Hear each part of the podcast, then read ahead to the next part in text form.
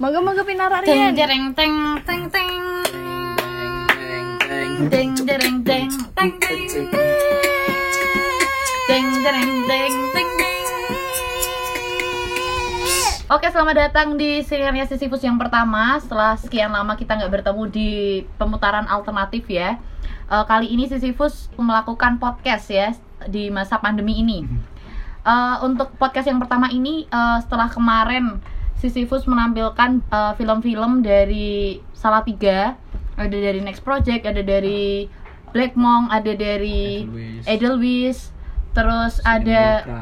Simulacra itu Sinemulacra. Si- Sinemulacra, sorry sorry Sinemulacra itu eh, PH baru PH baru komunitas film Oh komunitas, film. Komunitas film. komunitas film baru. Jadi yang paling gampang karena yang paling deket ya, karena cuma tetanggaan. Kali ini kita bakal bahas film, diskusi film, bedah film dari film yang pertama dulu yaitu dari filmnya karya Gary Junus yang diperankan oleh Narayana Utara yang berjudul Manunggaling. Manunggaling alegori. Alegori.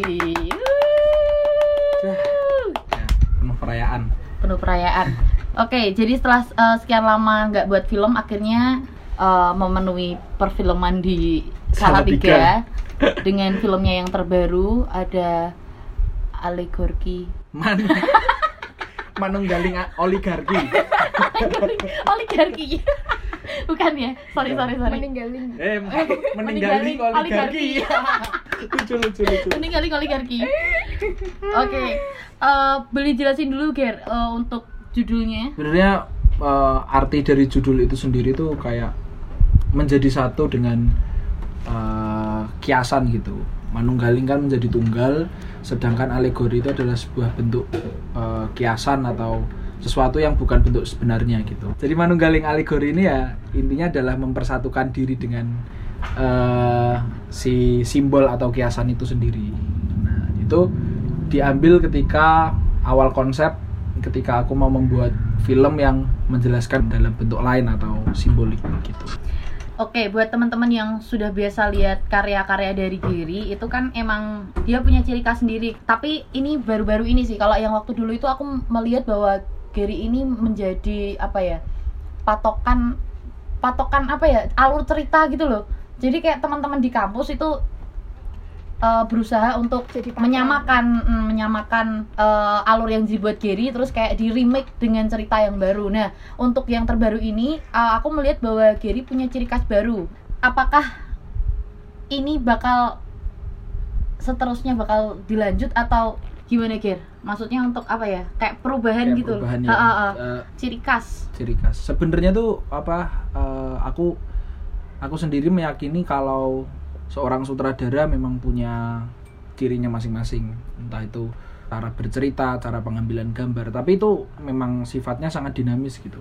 Dan kebetulan karena aku masih banyak melihat banyak sekali film dan banyak terpengaruh dari film-film yang aku lihat ya kayak gitu jadi ciri itu tadi berubah-ubah kayak dulu waktu awal-awal 2016-17an ketika bikin film itu yang penting ada plot twistnya Oh, yang penting ada gitu. plot twist ya. Oke. itu itu dulu menjadi satu nggak apa ya, penting ya kayak apa isinya apa yang penting ada yang plot penting twistnya ada plot twistnya Ya, oke. udah nggak peduli premis apa simbolisme dan bahasa Iya. visual yang Iya. penting plot twist dulu oh ya nggak penting gambarnya Nggak penting, penting ini gambar. plot twist lah ya Plot twist. oke plus color grading till and orange Oh, itu yes. sangat penting juga itu untuk mendukung Oh, plot iya, iya. twist terus eh, untuk cerita dari Manunggaling sendiri ini sebenarnya apa sih yang pengen kamu buat Gir? Jadi sebenarnya tuh merespon dari teman-teman klub sinema Sisyphus yang kemarin membuat undangan pembuatan film. Nah, jadi uh, undangan pembuatan film untuk merespon pandemi COVID-19 itu. Terus kepikiran aja ketika masa pandemi ini banyak sekali hal yang terjadi kayak misalnya uh, represi pemerintah begitu. ya benar. Lalu kemudian ada di situ peran otoritas sangat penting Iya. tapi pada akhirnya eh, peran otoritas itu pun juga sangat sekali mudah digoyahkan ketika muncul apa ya ketika muncul inisiatif-inisiatif untuk orang itu melakukan tindakan yang mereka lakukan gitu Iya. terlepas dari kebijakan pemerintah bener. Eh, juga dari teman-teman dari komunitas atau teman-teman yang berkarya itu juga menjadikan eh, COVID ini juga kayak jadi tema juga, Ger. Hmm. Jadi banyak juga teman-teman yang udah buat film itu temanya tentang COVID, COVID, ya. gitu. Mungkin untuk pilihan eh, mengenai tema yang sudah tak lihat ini ya, Hmm. em, masih kayak ke penyakitnya Hmm. belum ke pesan ke pemerintahnya. Nah, mungkin ini bisa buat teman-teman pesan ke pemerintah Iya, ya pesan ya. ke pemerintah. Maksudnya masih cuma yang jangan pulang atau eh, kita harus tetap di rumah aja apa gitu-gitu, tapi belum ada yang pesan ke pemerintah secara wow. ini sebenarnya bukan pesan ke pemerintah sih karena eh, ketika melihat ini semua apa masalah covid dan lain sebagainya kok rasanya aku sendiri juga capek ketika melihat apa yang dilakukan pemerintah gitu. Entah dari awal itu pelin plan Mm-mm. terus kemudian menutup nutupi data dan sebagainya sampai sekarang pun siniar ini direkam. Ada beberapa kebijakan-kebijakan yang menurutku itu malah menghancurkan citra mereka sendiri. Jadi mau tidak mau ya peran otoritas itu memang layak dipertanyakan. Oke, itu tadi mengenai sedikit tentang COVID ya, berhubungan dengan COVID. Oke, kembali lagi ke Manunggaling. Eh, di sini kan memakai satu peran perempuan. perempuan ya betul Nah, kita langsung sambut aja langsung ya.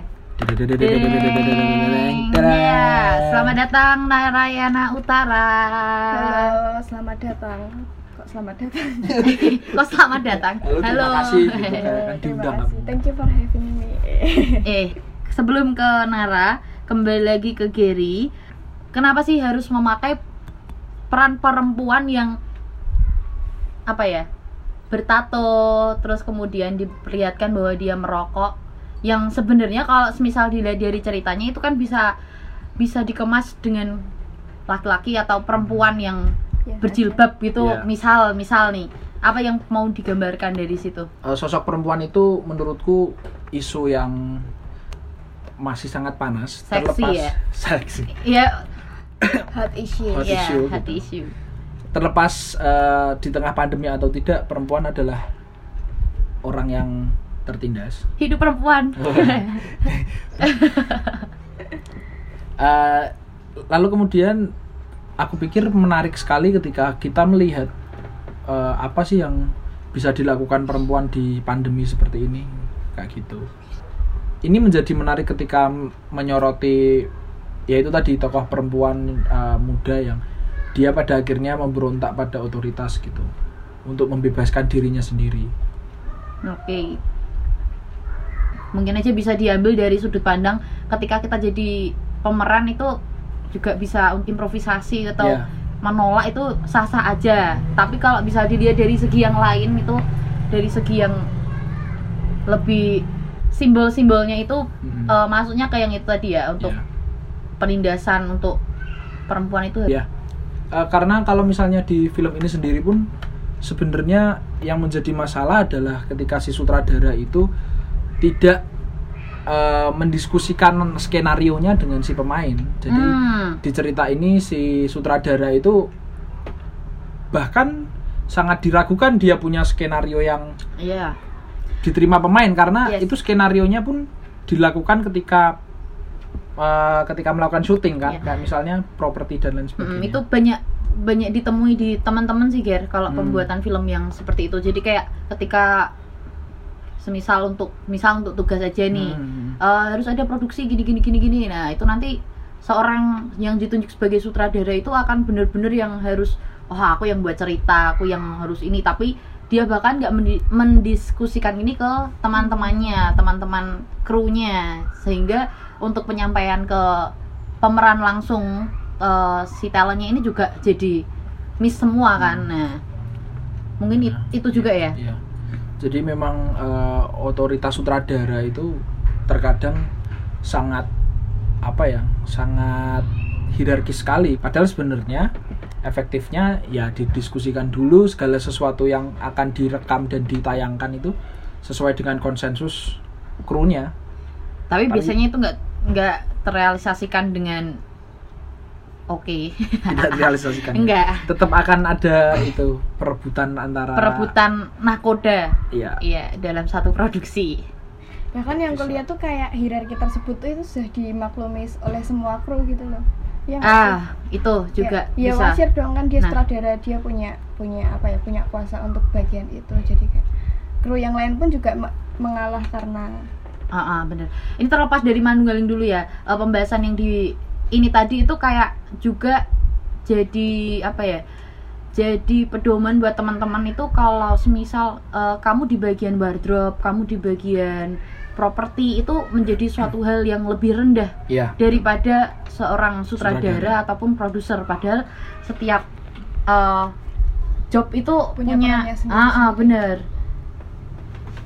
Betul dan sekali. semua saling berpengaruh Mm-mm. nggak ada yang lebih besar pengaruhnya yes atau- betul banget betul banget.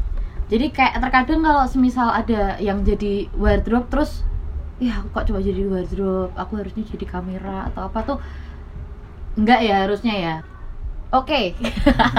Ke Manunggaling ke Manunggaling aku masih penasaran nih kenapa eh Gary ini pakai grading hitam putih nih di sini?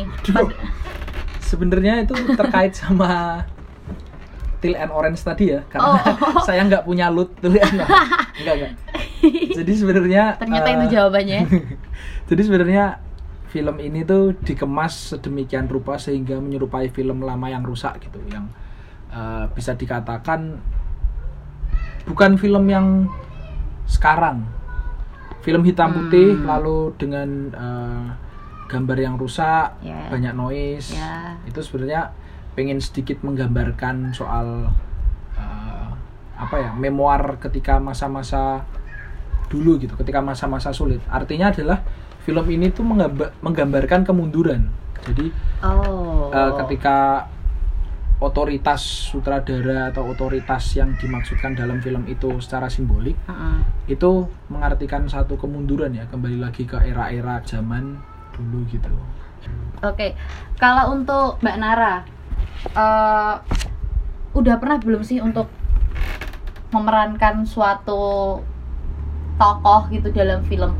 Eh, Gampangnya aja nih, udah iya. pernah belum main film? Biar gampang. Iya sih. eh, Iya sebenarnya sih. sebenarnya sebenarnya tuh kayak aku aku udah lama banget kan kayak ngajakin Gary untuk bikin film. Oh, Udah dari kapan ya Gary? Beberapa bulan. 2001 kayaknya Dari 2001. enggak enggak. Kayak beberapa bulan yang lalu tuh sebenarnya aku udah ngajakin Gary buat main film. Udah ada beberapa. oh Gary, main- Gary yang main film? Iya. Oke, Nara jadi sutradara Iya. nggak nggak bercanda. Tapi ya ini untuk pertama kalinya akhirnya aku eh, Main film? Iya main film. Oh, jadi ini baru pertama kalinya iya, Nara? Betul sekali. Betul sekali.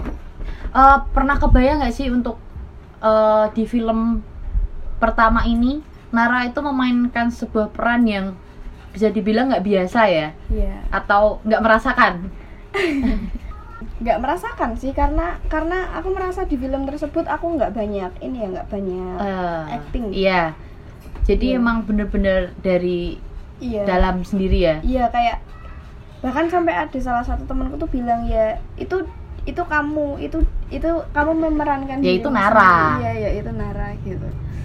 Iya sih itu. Ya aku aku nggak kebayang sih bakalan eh, kayak Manunggaling Alegori ini bakalan jadi film yang Ha-ha. aku perankan untuk pertama kalinya gitu. Karena eh, beberapa bulan sebelumnya kayak aku sama Gary udah pernah ngobrol pengen bikin film yang se- se- yang Yes, seperti ini yang iya. seperti itu. Cuman ketika Gary ngajakin eh, untuk jadi apa namanya talent di film ini kayak oh iya aku senang tapi untuk sebelum eh, sebelum masuk ke produksi apakah eh, Gary seorang sutradara ini eh, mengajak diskusi dulu mengenai eh, skrip, skenario, naskah yang telah dibuat ini buat cross check aja sih tadi kan dia Iya. tadi bilang gitu. Iya, iya sih karena eh, dia ngajakin dulu kayak menawarkan dulu kan berarti Ah, ah, enggak iya. enggak yang kayak kamu nanti main film ini tapi kayak dia menawarkan dulu Ah. gitu. Kamu mau nggak main eh, main film ini terus apa namanya nanti eh, oh ya mau kira aku bilang gitu kan terus ya udah nanti malam aku kirim skripnya terus dari skripnya itu pun kayak si Giri masih menanyakan gitu loh kayak eh, gimana skripnya Udah ada yang belum? udah cocok belum atau ada yang mau ditambahin nggak atau gimana bahkan Hmm. dia kayak menawarkan aku untuk apa ya kayak mem- membuka ruang aku untuk bisa berkontribusi di skrip tersebut gitu Mm-mm. loh dan kupikir ya mungkin itu jarang dilakukan oleh Sutra- seorang sutradara Iya. ya untuk apa namanya kayak untuk memberi ruang kepada talent atau orang lain bahkan Mm-mm. yang apa namanya Iya. kayak eh, boleh ikut campur Yes. untuk dal- dalam penulisan skrip dan lain sebagainya itu sih Tapi itu mempermudah nggak akhirnya? Maksudnya kan berarti terjadi apa ya?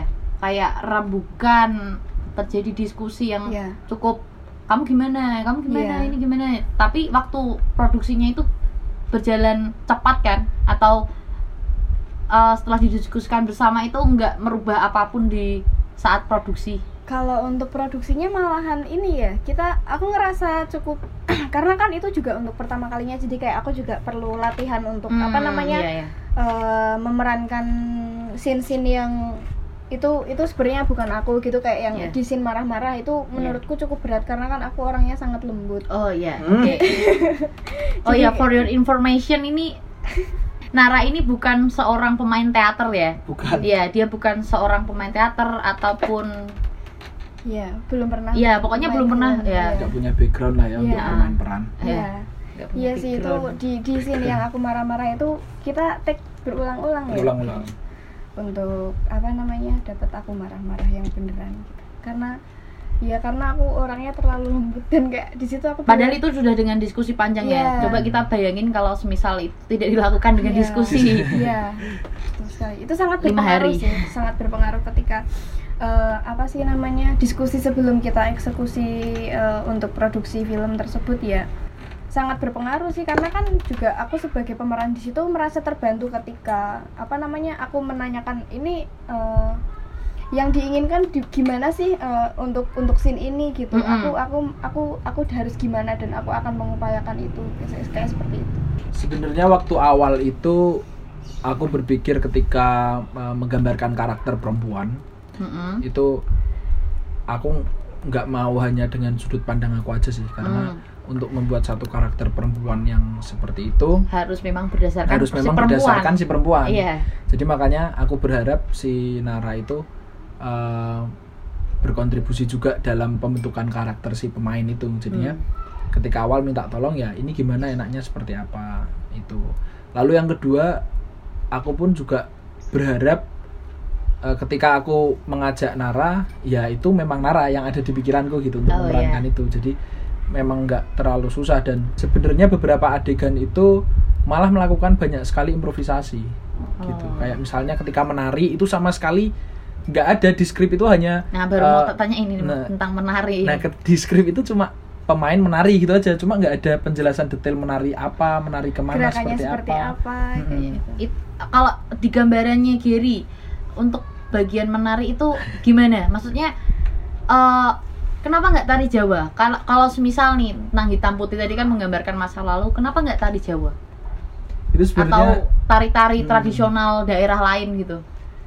Sebenarnya ketika aku pertama kali ada gambaran membuat itu, terus kayak eh, apa ya bikin semacam shortlist dan naskahnya. Ya. Nah itu di naskahnya hanya tulisan pemain menari aja. Cuma yang ada di gambaran kepalaku ya dia menari tari tradisional. Nggak nggak tahu kenapa ya. Apakah karena memang waktu itu aku habis nonton beberapa film yang ada tarian tradisionalnya sehingga terus Terbayangnya ada- itu. terbayangnya itu. Cuma aku membutuhkan scene menari Mm-mm. karena menari itu bentuk ekspresi menurutku. Betul. Jadi aku membutuhkan satu bentuk kebebasan berekspresi ketika ada di dapur setelah si sutradara dipukuli gitu. Ah. Aku pengen si pemain ini bebas berekspresi. Nah makanya aku hanya menulis itu apa Menari. namanya menari. Nah nanti Menara menari. karena kebutu kebetulan Mbak Nara adalah penari, Oh, jadinya iya. eh, ya aku lebih ke ya nantilah kita lihat gimana So- Mm-mm. soalnya kan kalau menari Yes. kan untuk membuat koreografi juga tahu medannya kayak gimana kan betul. karena Mbak Nara juga belum pernah ke dapur jadi yang ada di pikiranku seperti itu tapi coba Mbak Nara gimana kok tiba-tiba bisa menemukan gerakan semacam itu Kalau aku tuh sebenarnya malahan nggak tahu kalau misalkan yang di kepala Gary itu kayak aku aku Tari Jawa? tari tradisional ah. kan gitu karena ketika aku membaca skrip eh, apa namanya eh, pemain Ah, ah. menari itu tuh kayak yang di bayanganku ya ya aku menari menari yang aku aku nggak nggak nggak menari berdasarkan patokan-patokan koreografi atau gimana gitu karena Ah. karena kan eh, yang aku tangkap dari skrip itu kan eh, ketika setelah sutradaranya hilang ya terus kayak aku aku se- seolah-olah eh, aku merayakan kebebasan dari otoritas yang ada gitu ya Ah. sutradara makanya kayak aku mengekspresikan tarianku di film tersebut ya aku aku menari pun juga tanpa tanpa apa sih standar-standar koreografi atau yang Iya. kayak tarian-tarian yang terstruktur kayak gitu loh Mm-mm. jadi kayak ya aku menari sebebas-bebasnya tapi untuk Gary eh, puas nggak dengan itu maksudnya kan yang dipikirkan kan Tari tari tradisional ya. nih ya kembali lagi sih ketika apa yang ada di bayanganku ternyata itu kalau misalnya diterapkan eh, si pemain itu malah eh, bukan kebebasan si pemainnya tapi malah eh, bentuk dari skenario nya si sutradara lagi Hmm. jadi ketika ini direkam itu aku cukup puas karena satu Nara menari dengan bebasnya Nara dengan menari di menara dengan dengan bebasnya. Lalu yang kedua, eh, ini tarian yang cukup epic ya, maksudnya itu dapur bentuknya tradisional yang cukup kuno sebenarnya. Iya. Terus kemudian Mbak Nara dengan pakaian yang seperti itu dan Mm-mm. menari dengan modern. Mm-mm. Ketika dia naik di atas amben dan gloda-gloda-gloda gitu, yes itu menurutku memang menjadi satu apa eh, punya makna sendiri lah Ah. untuk menari di atas amben gitu. Itu kan sebenarnya kalau ya. di Jawa nggak sopan ya Iya, orang sopan. kayak gitu. tapi itu menceritakan eh eh, iya benar menceritakan tentang apa yang apa yang mau disampaikan dari di situ scene menari itu. Heeh. Eh, scene menari itu sebenarnya adalah itu tadi bentuk kebebasan berekspresi, Hmm. tapi eh, di situ menggunakan setting dapur yang di scene sebelumnya digunakan untuk memasak beras. Jadi Ya. ketika scene memasak beras itu itu sebenarnya gambaran dari apa yang terjadi di eh, sistem perekonomian sih. Kayak misalnya si sutradara itu nggak pernah bener-bener memberikan beras, tapi dia hanya menunjukkan yang sudah ada di situ. Hmm. Jadi memang otoritas yang tidak pernah memberikan gitu. oh, hanya, hanya itu ambil. hanya pemberitahuan tanda kutip ya hanya semacam pemberitahuan menyuruh tanda aja kutip ngambil gitu. penyuluhan tanda kutip ya Nah, tapi itu tidak dibarengi dengan kesiapan si pemain. Hmm. Jadi ketika seperti itu kok nggak ada kok nggak ada magic jar-nya Iya. gitu kan. Jadi harus eh, apa? memberikan instruksi yang aneh gitu. Nah, itu gambaran itu. Lalu kemudian ketika menari itu ya melambangkan kebebasan dia dari si sutradara. Kayak Hmm. gitu.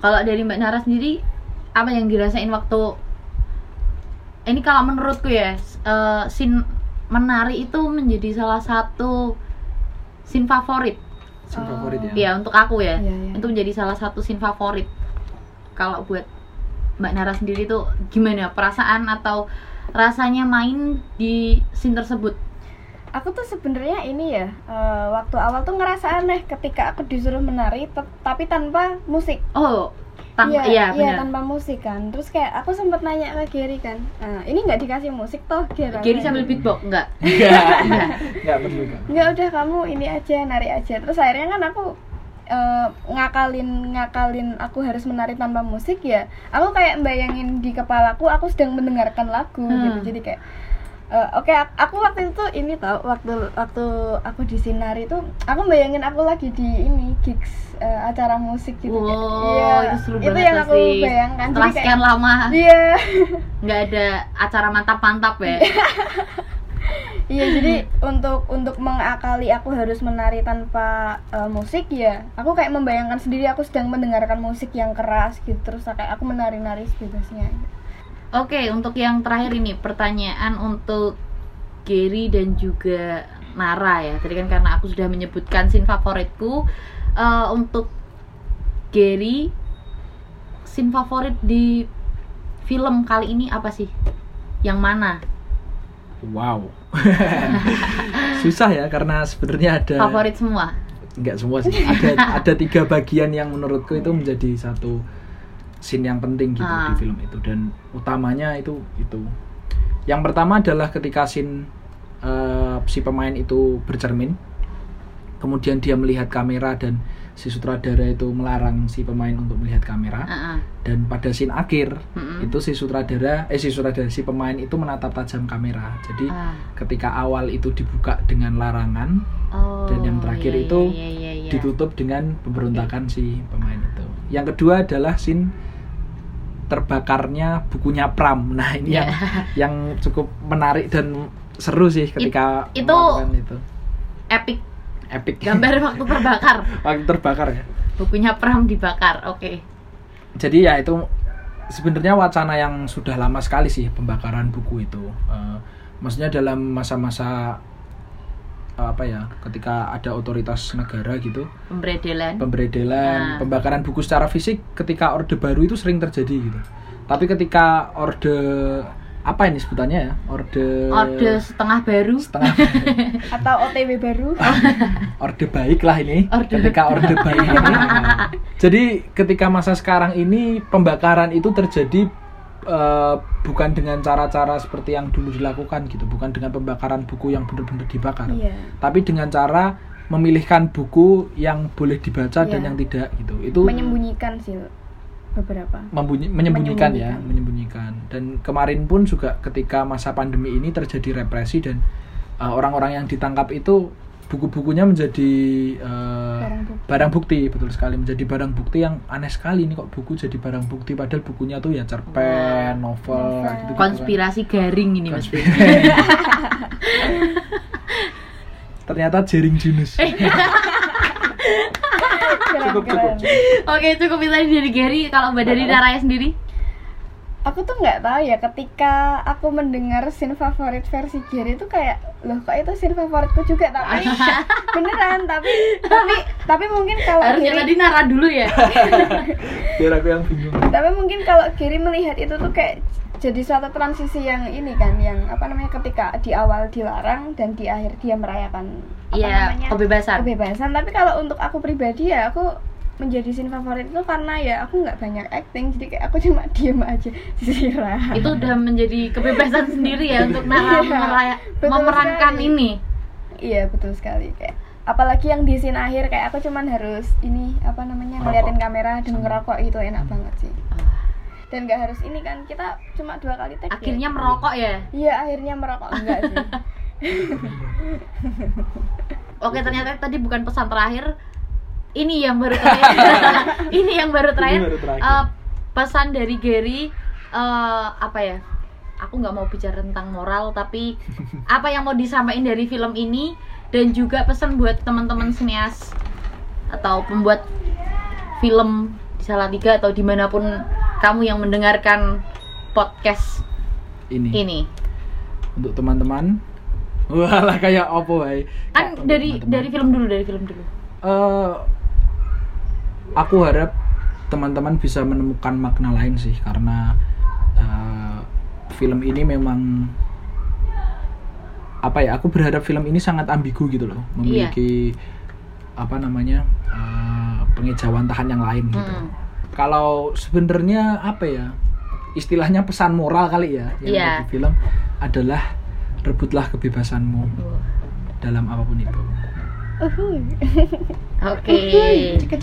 Itu tadi dari Gary, Gary. kemudian untuk Mbak Nara untuk penutup ini. Kalau aku sih sebenarnya yang pertama aku terima kasih untuk orang-orang teman-teman yang udah eh, mau nonton film Manunggaling Alegori. Eh, terima kasih banget untuk juga yang udah eh, mengapresiasi film ini. Aku sangat berterima kasih. Itu untuk eh, ucapan terima kasihku sih. Terus eh, untuk pesannya, sebenarnya ini lebih ke ini kali ya, lebih ke karena karena eh, di situ peran peran perempuan yang mungkin di di dicap ini ya dicap nggak sesuai sama norma norma norma tradisi masyarakat yang umum gitu Eh, pesan ini aku pesan ini sih pesan apa sih namanya pesan personal ke ke kepada perempuan-perempuan Oke, pesan personal kepada setiap perempuan, setiap perempuan yang yang mendengarkan. mendengarkan lebih apa lebih tepatnya eh, ketika di film ini aku berhasil merenggut kebebasanku seperti yang sudah disampaikan Gary sebelumnya ya aku berharap mungkin mungkin ini memang sulit sih tapi aku berharap hmm, perempuan-perempuan di luar sana juga eh, tanpa dia harus berharap ke orang lain atau ke hal lain di luar dirinya dia bisa membebaskan dirinya sendiri gila Gila. Hidup perempuan. Perempuan, perempuan merdeka Oke, tadi bincang-bincang podcast pertama Sisyphus disambut hangat oleh Gary Junus dan juga Narayana. Semoga besok teman-teman yang lain bisa hadir bareng kami di sini Betul. untuk mengisi podcast-podcast senior-senior selanjutnya supaya tetap jalan ya. Iya. Sisyphus eh, perfilman juga untuk teman-teman yang sudah produksi, yang sudah berkarya, terutama buat teman-teman Salatiga yang hangat ini di dunia perfilman. Semoga lebih panas. Dan jangan lupa buat teman-teman yang dengarkan ini eh, untuk bisa di-share ke teman-teman yang lain bahwa di YouTube Cinema Sisyphus eh, sudah ditayangkan beberapa film dari teman-teman di Salatiga, ada dari Black Monk, Next Project, Rajut ada Cinema. Edelweiss, terus Rajut ke- Cinema. Rajut Cinema, kemudian ada yang terakhir ada dari Cinema. Sinemulakra Simulacra. Jadi teman-teman bisa lihat langsung di YouTube-nya. Ya. Nggak di subscribe nggak apa-apa, tapi Subscribe. Nggak di subscribe nggak apa-apa. Yang penting ditonton. film. yang nggak di subscribe nggak apa-apa karena nggak masalah subscribe subscribe kan ini. Yang penting ditonton dan disebarkan ke teman-teman yang lain supaya tetap bisa di rumah sambil menonton film ya. betul sekali ya seminggu lagi untuk teman-teman bisa menikmati itu jadi ditunggu teman-teman yang menonton semoga terhibur semoga tetap sehat selalu ya. Eh, terima kasih untuk Gary yang sudah datang terima kasih untuk Narayana yang sudah datang di Terima kasih senior kembali. pertama ini semoga senior berikutnya lebih mantap-mantap lagi ya. sampai jumpa di podcast Sisyphus berikutnya